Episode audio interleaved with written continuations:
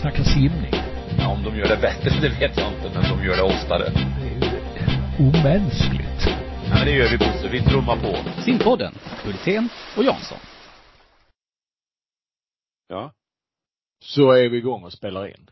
Simpodden Hultén och Jansson nummer 208. 208 alltså. Och vi befinner oss i sommarmånaden juni, året är 2022 för er som har sovit en stund. Och eh, nu ska vi snacka simning. Tjena Jansson. Hej på dig Bosse. Mm. Ska vi snacka simning? Ja, kan vi väl kanske snacka lite annat också ju. Ja. Ja. Det är ju val snart.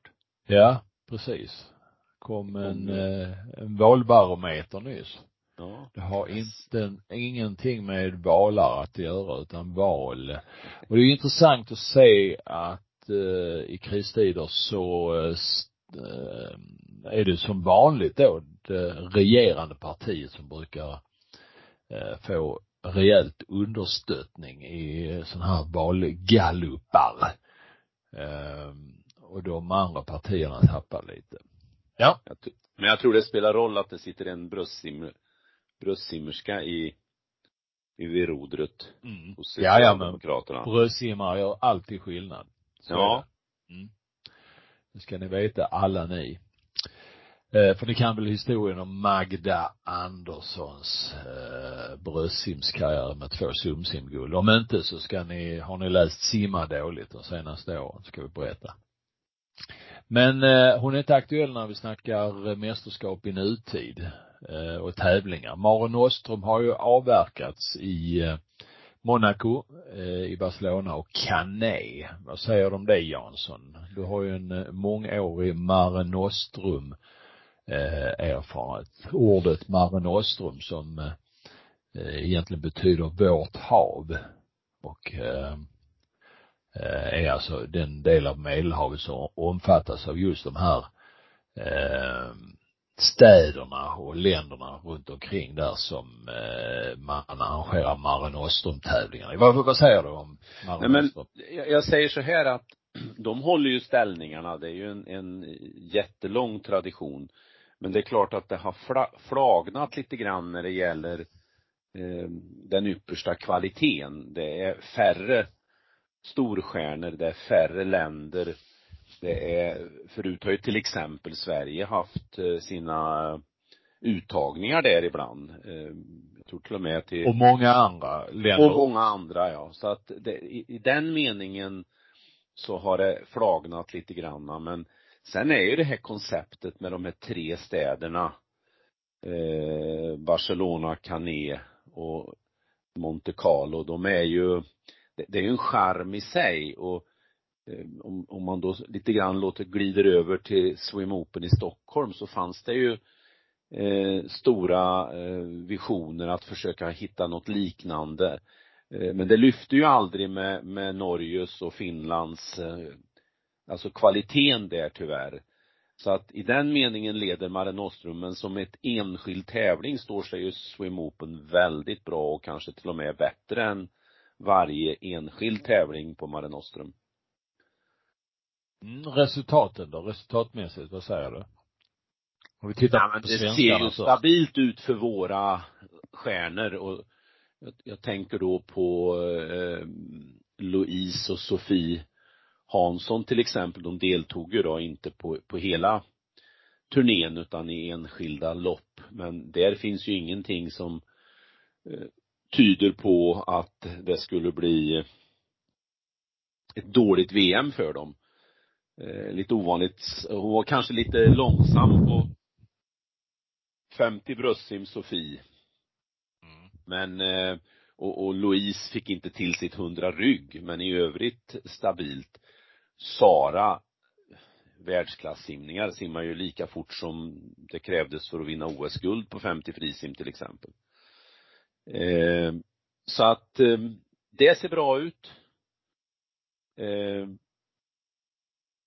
sen eh, hade det ju varit kul kanske att se fler svenskar där men tävlingskartan har ju ritats om lite grann så att eh, vi får kanske vänja oss vid att Mare Nostrum eh, kanske flagnar än mer om inte de kan hitta några lite moteld mot det här.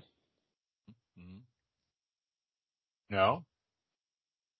Men den ligger ju, eh, jag tror det är många simmare från, ska vi säga, nordliga europeiska länder som tycker det är bra och kul att komma till de här tävlingarna. Varmt och gott och en ny miljö. Det är, det är en kick i, i tävlingssammanhang.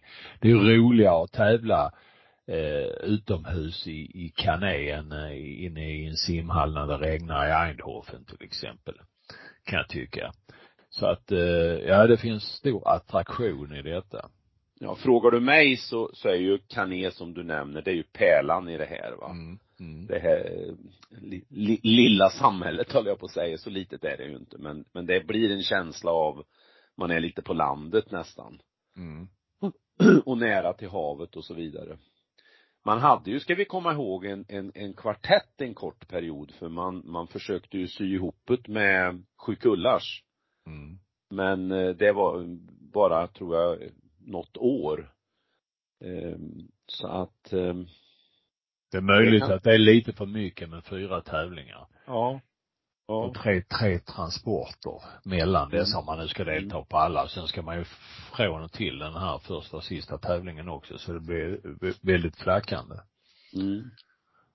Mm. Men jag, jag tror på konceptet med flera tävlingar om man kan knyta ihop dem på ett ännu starkare sätt än vad man har gjort på Mare Nostrum Mm. utifrån ett mediarapporteringsperspektiv. Med kanske Där har man ju miss, ja man har misslyckats lite där när det gäller Marados. fler, vad ska vi säga, fler, mer prispengar och så kopplat till helheten. Mm. Så man Det kan känns liksom, ju till exempel som hemsidan eh, som har varit igång för Mare Nostrum i många år eh, är ju om jag förstår inte riktigt accepterad av arrangörerna och det gör ju att resultaten inte kommer dit i realtid.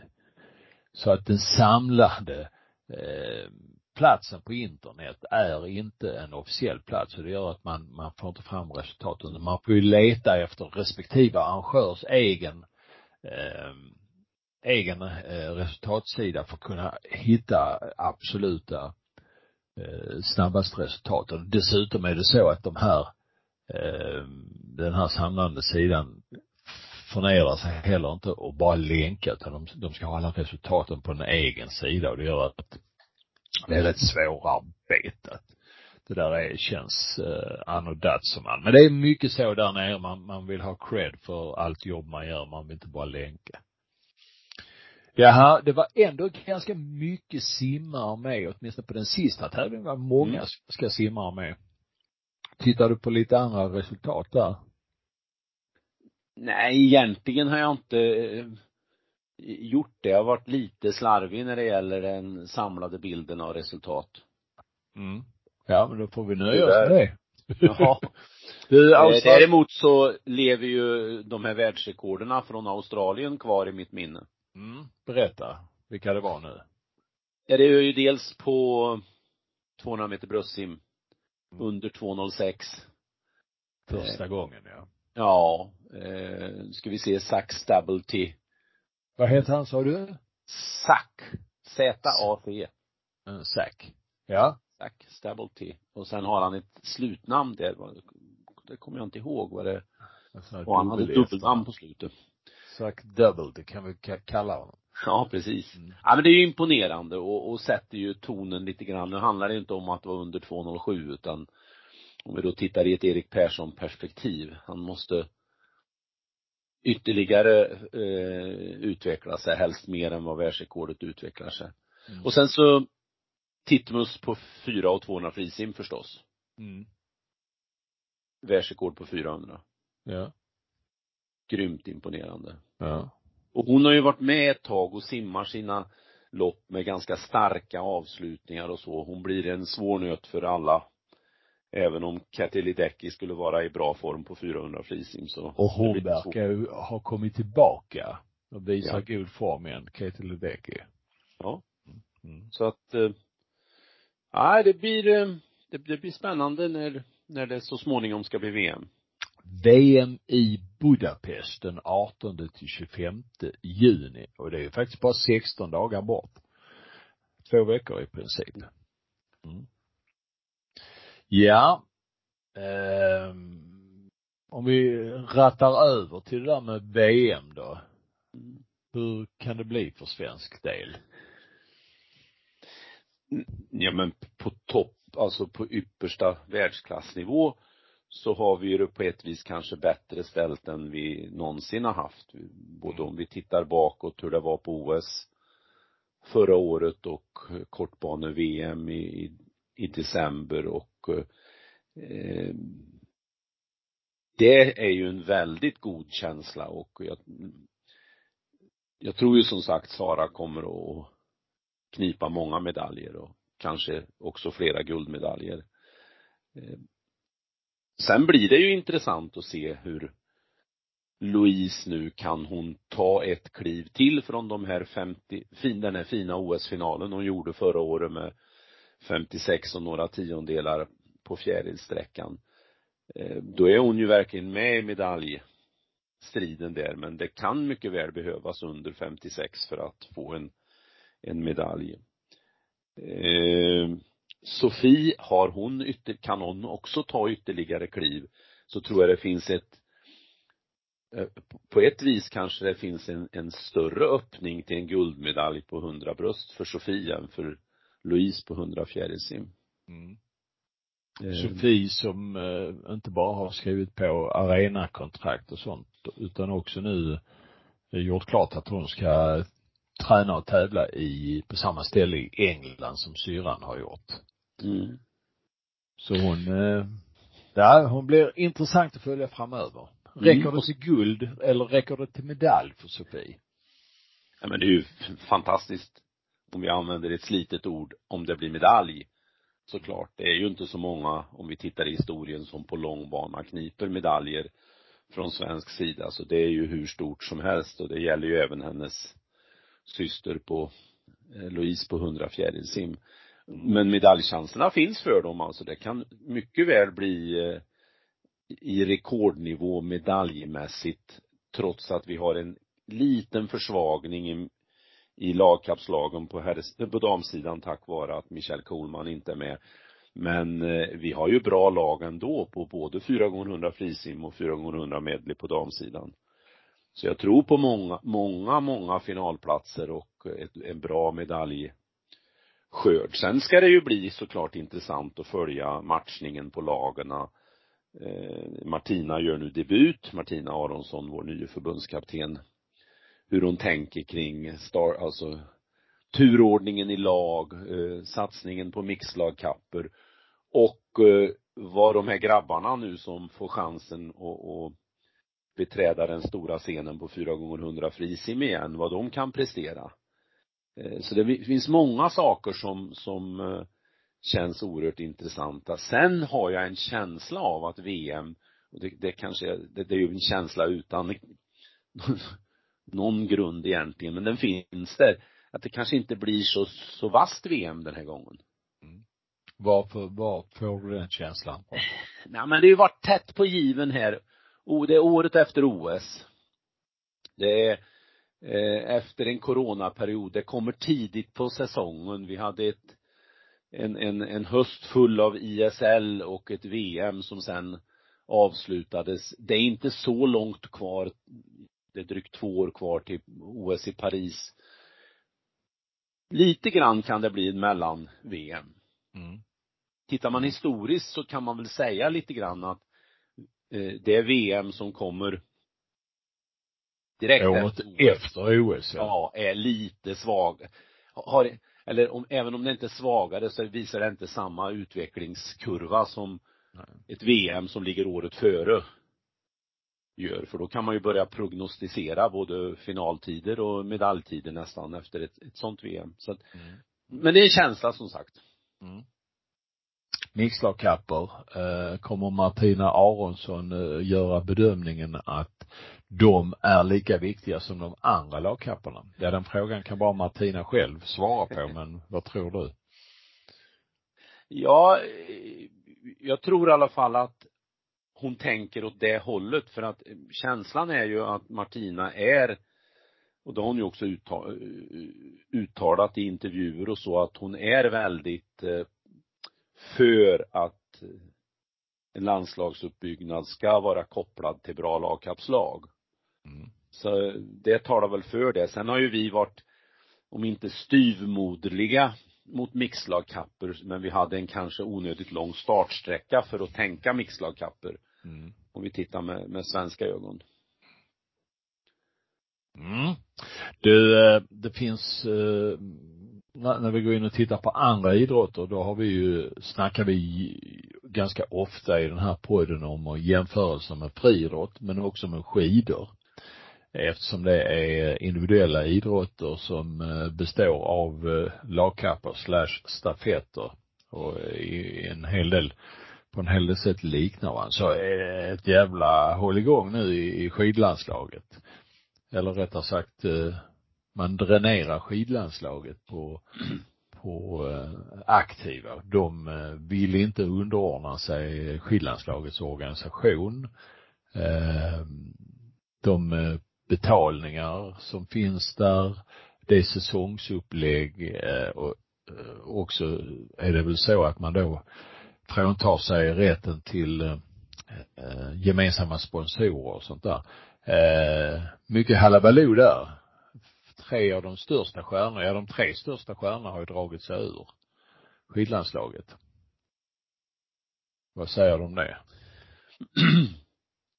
Nej men det är intressant att försöka följa vad de inte säger och vad det är vi inte får reda på och eh, men jag har fastnat för några saker från skidlandslagets sida den senaste som de intervjuade var ju Öberg som väl är chef för längdlandslaget. Då fokuserar han på att det här var så det var skälet till att man hade haft sån framgång, att man hade den här stora landslagsapparaten. Och då tänkte jag säga att, jo men om det är skälet, eh, varför ser det så ihåligt ut på herrsidan? Eh, och då kände jag att då var det ett ihåligt skäl egentligen för att det är mycket viktigare att man har rätt talanger som kan utvecklas. Annars så skulle ju såklart herrlandslaget ha varit lika framgångsrika som damlandslaget. Så där tycker jag de hade en ihålig eh, diskussion. Sen tror jag ju också att det från landslagets sida kommer in sådana här saker att för att sitta starka i förhandlingar med eh, med eh, Eh, sponsorer och så vidare så vill man även exponera laget för landslagssamlingar och etc. etc. Eh, och sen tyckte jag det var intressant att de här före detta stjärnorna, jag tror det var i Aftonbladet, så var de väl samlade ett helt gäng där som då dömde ut den här eh, satsningen som de individuella artisterna gör och då liksom började jag känna att kulturens makt i skidor precis som i vår idrott och på många ställen är, är så stark när det handlar om förändringar. Men går jag över och tittar på individen så är ju vi inte alls främmande inom simningen. Det, det är ju sedan länge vi har försökt att ta stora individuella hänsyn. Kanske ibland för stora. För det är klart det finns en, en, en balanspunkt här att hitta det här optimala för individen som samtidigt inte inverkar menligt och felaktigt på laget sen som ska ta sig igenom en tuff VM-vecka på, på åtta tävlingsdagar. Eh, men jag tycker argumenterna som de kom fram med, de aktiva, att eh, kunna vara hemma mer, alltså få en lugnare miljö, de tycker jag är starka för, för prestationsutveckling. Mm jaget före laget eh, är det en tendens och inte bara då i, i, i individuella idrotter utan också i lagidrotter, är det så?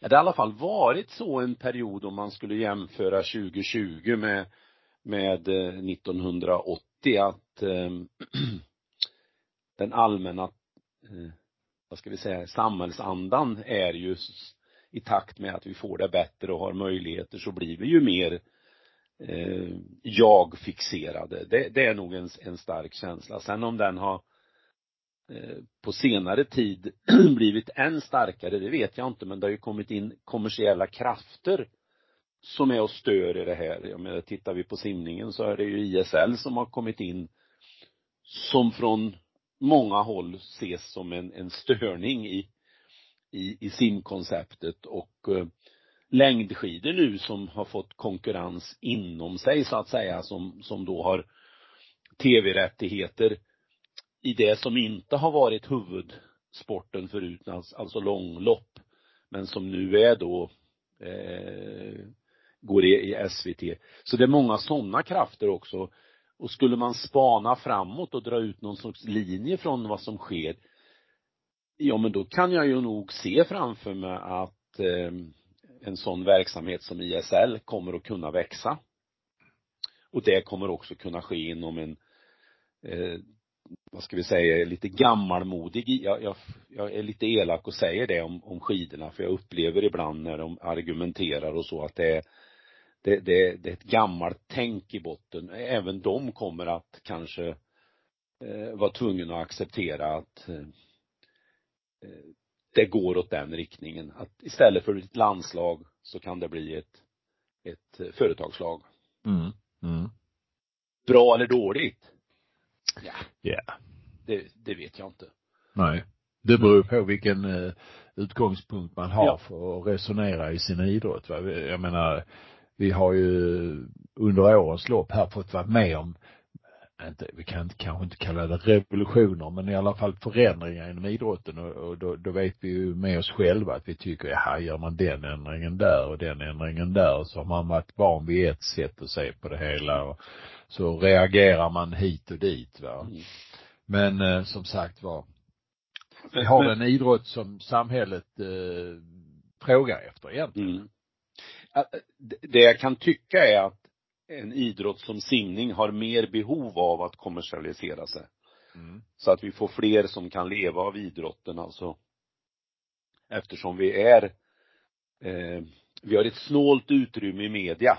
Mm. Mm. Och får därför svårare att, att göra bra avtal. Och då eh, är det en, en viktig, en viktig del tror jag för vår idrott att försöka hitta kommersialisering på fler fronter. Ja, intressant. Man får ju lite idéer när man sitter och snackar om sånt här. Ja. Okej. Eh, den, den ultimata, ja nu är detta helt galet, men den ultimata eh, olympiska idrotten, vad, vad är det för dig? Som är väldigt fokuserad just på OS bara. Sett ur uh, publika synpunkter. Ja, för mig är det i alla fall kanot kanot är en sån här var fjärde år idrott, mm. mer eller mindre. Eh, Eh, jag skulle ju kunna säga att man kunde utveckla kanoten på ett, på ett sätt, eh, kan man ha swimrun, eh, så kan man väl ha kanotrun och, och mycket annat. Man har försökt med vad heter det, när man paddlar i strömmande forsar och sånt där va. Men det, det, det, jag menar där har du en idrott som skulle kunna vara väldigt spektakulär i ett, vardagsperspektiv. Och jag, jag tror att man får leta efter sådana öppningar och vinklingar. Skidornas eh, relativt stora utveckling medialt sett eh, har ju skett med sprintdistanserna utan tvekan. Mm. Snoriga eh, finländska femmilsåkare som eh, startar var trettionde sekund eh, och kör så man får följa ensamma över myrar i Jukkasjärvi. Det är ju inte kanske det man egentligen vill ha som tv-sport utan det är ju kampen man mot man va. Och jag, jag tror det är många idrotter som skulle behöva fundera på och ta steget utanför boxen och de traditionella ramarna.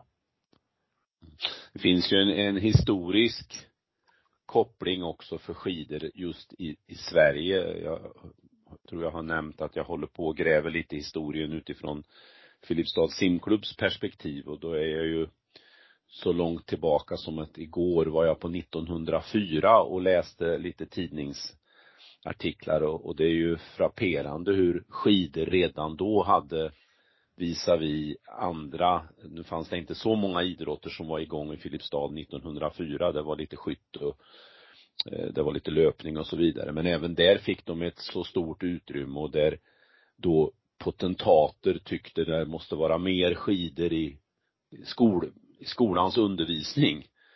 etc. Så man har ju en, en, eh, en koppling där som är stark, men då ska vi komma ihåg att samtidigt började det också propageras väldigt mycket för simundervisning och simkunnighet. Så det är ett spår som har varit gynnsamt för simningens utveckling, att den har varit så kraftfull och har varit det i över hundra år. Mm. Mm. Ja.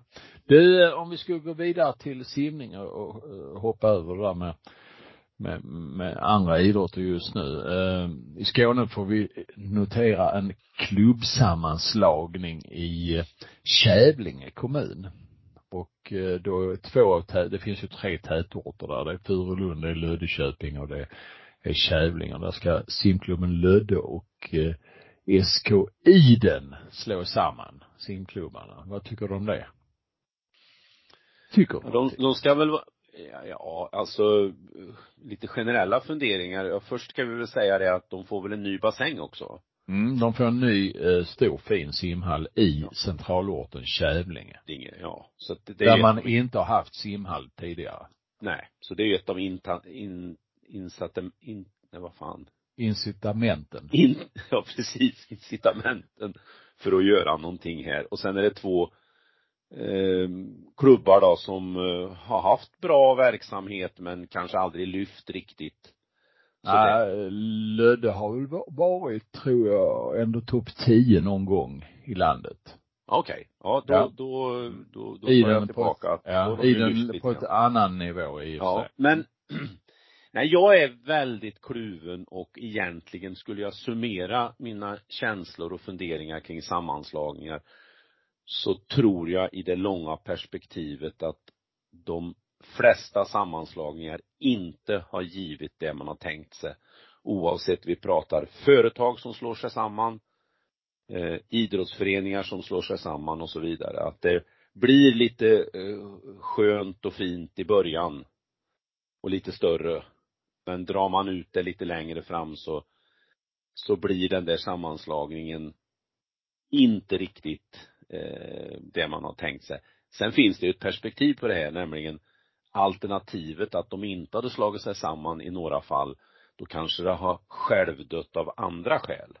Vi ska säga i det här sammanhanget att här är eh, sammanslagningen eh, egentligen tvungen kan man säga. För att man kommer lägga ner simhallarna i Lödde och Furulund. Det betyder att det är bara en simhall kvar. Och två simklubbar i en så pass liten kommun, det hade nog inte varit eh, gångbart. Så att eh, man får slå samman. Det, jag tycker det är smart att man redan innan det, det här kommer det är ett. Jättes, ja, det är ju ett jättestarkt incitament såklart, eh, den delen. Men samtidigt gäller det ju då också att hitta barnen i de här ställena där inga simhallar blir kvar. Mm. Så är det. Annars blir ju den totala kakan mindre. Mm. Mm.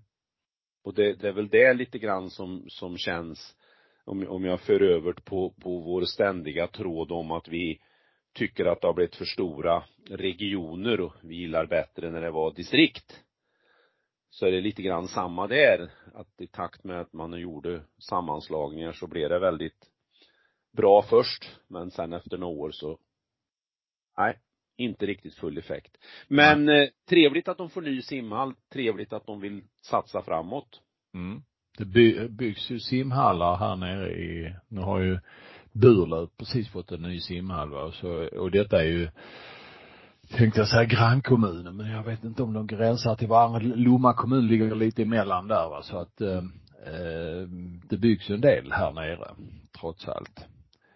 Eh, sen kommer vi in på det här tradiga avsnittet, sex och ma maktmissbruk. Vi har eh, läst på Simma och andra medier också att eh, eh, Terry McEver, eh, det vill säga Cals eh, head, eller kvinnliga head coach, eh, har tagits från sitt jobb på grund av kan vi kalla det mak maktmissbruk där hon har terroriserat simmare i många år. Det är bara att läsa in sig på hur, hur det har fungerat och de siffror som finns bakom där. Men också eh, sexbrottsdomar eh, inom svensk sim, simning så att säga.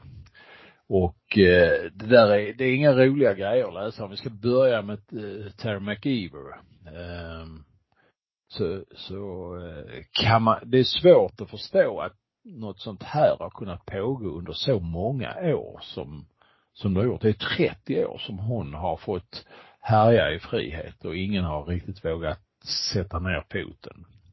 Anledningar till detta?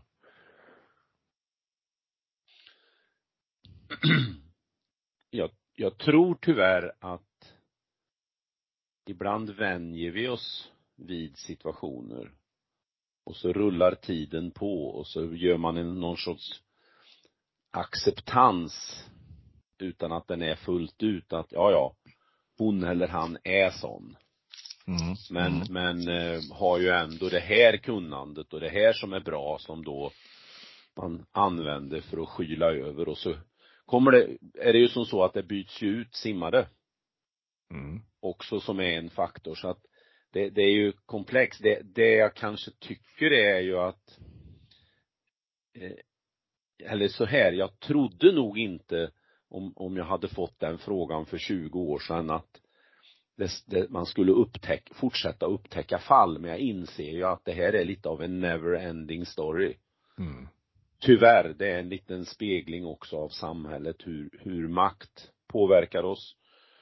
Och sexdelen, hur den också slår mot o, olika människor som, ja det, det är jättetrist. Jag är mest förvånad över att på ett sånt här ansett universitet, eh, sånt här kunnat forska. Man, man tycker liksom att förståelsegraden eh, borde vara lite högre eh, Eh, på de bättre universiteten än vad det är på andra ställen. Jag menar eh, ett undanskymt eh, universitet i mellanvästern där alla klappar varandra på ryggen är en sak men Cal i Berkeley det känns ändå som en institution. Här ska det inte behöva hända. Men sen är det ju så att hitta, är det en felaktig figur som leder det hela, eh, sitter på makt och inte bara makt att kunna tycka och tänka och säga till folk utan det är ju makt att kunna styra scholarship. Eh, det är ju stora pengar. För varje simmare kan ju värdet ligga mellan två och 500 000 per termin eh, för att ha sånt här scholarship och då eh, kanske man biter ihop lite extra för att få vara kvar och inte bli utsparkad och ta emot en del mm. kan tänka. Ja, och de har ju också varit framgångsrika. Ja. Och det skyler ju också över dåliga beteenden. Det har vi ju sett historiskt sett att då har man också en större acceptans för sådana här saker. Mm. Det här eh, svenska sexbrottet, har vi någonting att säga om det? Men att det är väldigt eh, sällsynt eh, tradigt att det, det har hänt. Ja, ja, ja det, det jag skulle vilja säga det är att klubbarna blir mer transparenta. att man är mer, eh, vågar prata om sådana här frågor mer Eh, att de borde vara mer transparenta. Ja, de borde vara mer transparenta generellt sett och så vidare. För det öppnar upp, tror jag, för att larmsignalerna ljuder lite tidigare. När man lägger lite locket på som jag upplever att det har blivit i det här fallet. Sen finns det kanske förklaringar som som då inte vi styr över när man har lagt locket på. Det, det gör det ju det är inte riktigt bra tycker jag. Då är det svårare att ta lärdom och få något vidare om, för det kan ju vara som så att det här finns som fall nu som inte är upptäckta. Då kan det vara hela tiden. Ja, och det kan vi vara ganska säkra på att det är. Ja, och, och det är ju dem vi då skulle vilja hitta en nyckel till att få öppnade. Och då tror jag transparens från den drabbade föreningen, eh, transparens från eh, simförbundet Eh, en ökad transparens skulle hjälpa till för att mota Olle grind framåt. Mm, mm, mm. Ja. ja det, ja. det är ju svårt det här med med brott och grejer och, och, i det här fallet har ju personen i fråga blivit dömd så det råder ju ingen tvekan om vem som ska bära ansvaret så att säga. Ja. ja. Mm. Eh, sen kan vi väl snacka lite open water. Det börjar ju bli open water säsong nu. Och eh, 11 juni så är det första loppet i det som eh, kallas Open Water Trophy och det är i Växjö. En fem kilometers lopp som heter Kaloskarsimmet. Eh, och ska se vad det är mer för lopp i det. Ja, det är väl Stockholms simfestival. Rune Open Water, Jönköping Open Water och Vansbrosimmen. Och ja, jag ska säga Berlinloppet. Får du inte Ja, det var det jag tänkte komma till. Du är inblandad i det. Är det med i Open Water Trophy? Nej, det är det inte, men vi är ju med i, vi står ju med i kalendern som ett, ett Ja, öppet vattenlopp, men, Mm. mm. Berlinloppet Eh. går den 30 juli.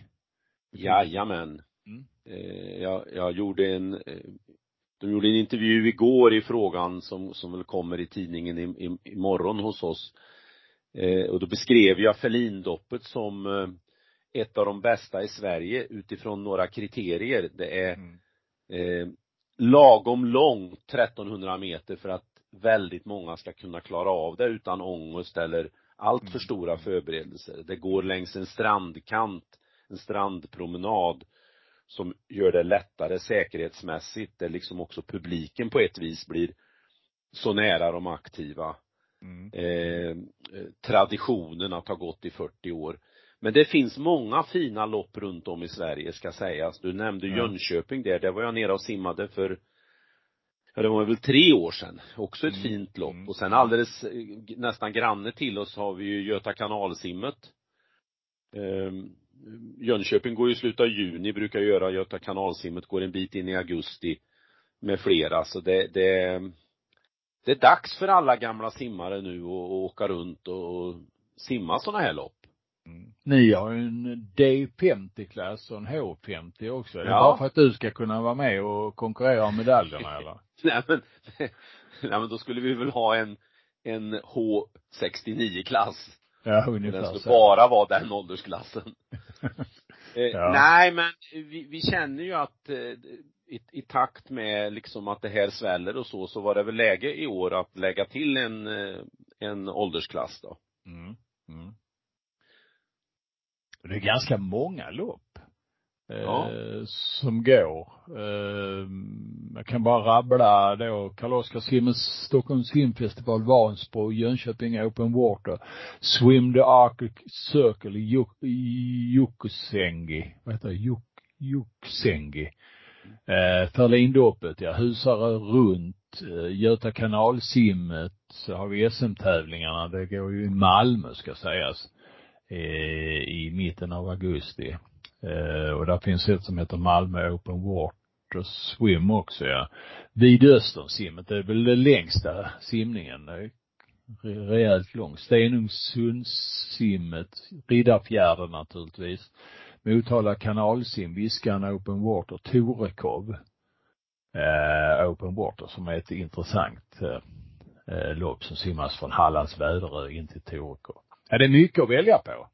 Det skulle vara kul att veta om det är någon som kommer att simma alla lopp. Mm. Det och tycker om jag vi, det är det så kan väl den personen höra av sig Mm. till oss. mm. Så eh, hade det varit jätteroligt. Och då ska vi i alla fall när den kommer till Filipstad se till att det uppmärksammas. Ja. Bra det. Torekov, där skulle du kunna vara med ju. Det är ju Ja. lagom. 28 augusti. Vi gör debut nu, den här lilla träningsgruppen, eh, nu till helgen. Vi har ju, så att eh, det är 15 grader i vattnet här. Mm. Eh, Så det är skönt att det drar igång. Är det våtdräkt då alltså? Ja, det är våtdräkt och jag sätter en mössa på mig och några har eh, strumpor och handskar på sig också. Mhm. Alltså vårt mål är ju inte att frysa. Vårt Nej. Nej, utan det är ju att njuta. Ja. Eh, och det Mm. gör man. Ja, ni får gärna skicka in lite bilder från er open water-träning, alla ni som eh, sysslar med det. Kul bilder från eh, när och fjärran. Skicka det till simma.telia.com så publicerar vi detta eh, på simma.nu. Open water kan vi aldrig få eh, för mycket av. Alltså simma.telia.com. kan väl också flagga för att även den här sommaren blir en liten tävling på simmarsidan när det gäller lite bassänger som man ska upptäcka. Mm. Jansson jagar bassänger i Sverige, eller ni jagar Janssons bassänger som han har varit på i Sverige, eller i rättare sagt. Mm. Han är inte på en bassäng oftast. Du, eh, SM-veckan slutligen, den kommer att gå i eh, Linköping. Ny bassäng, nygjuten bassäng tänkte jag säga. I Tinnerbäcken. Så är det väl va? Mm. blir jättekul. Mm.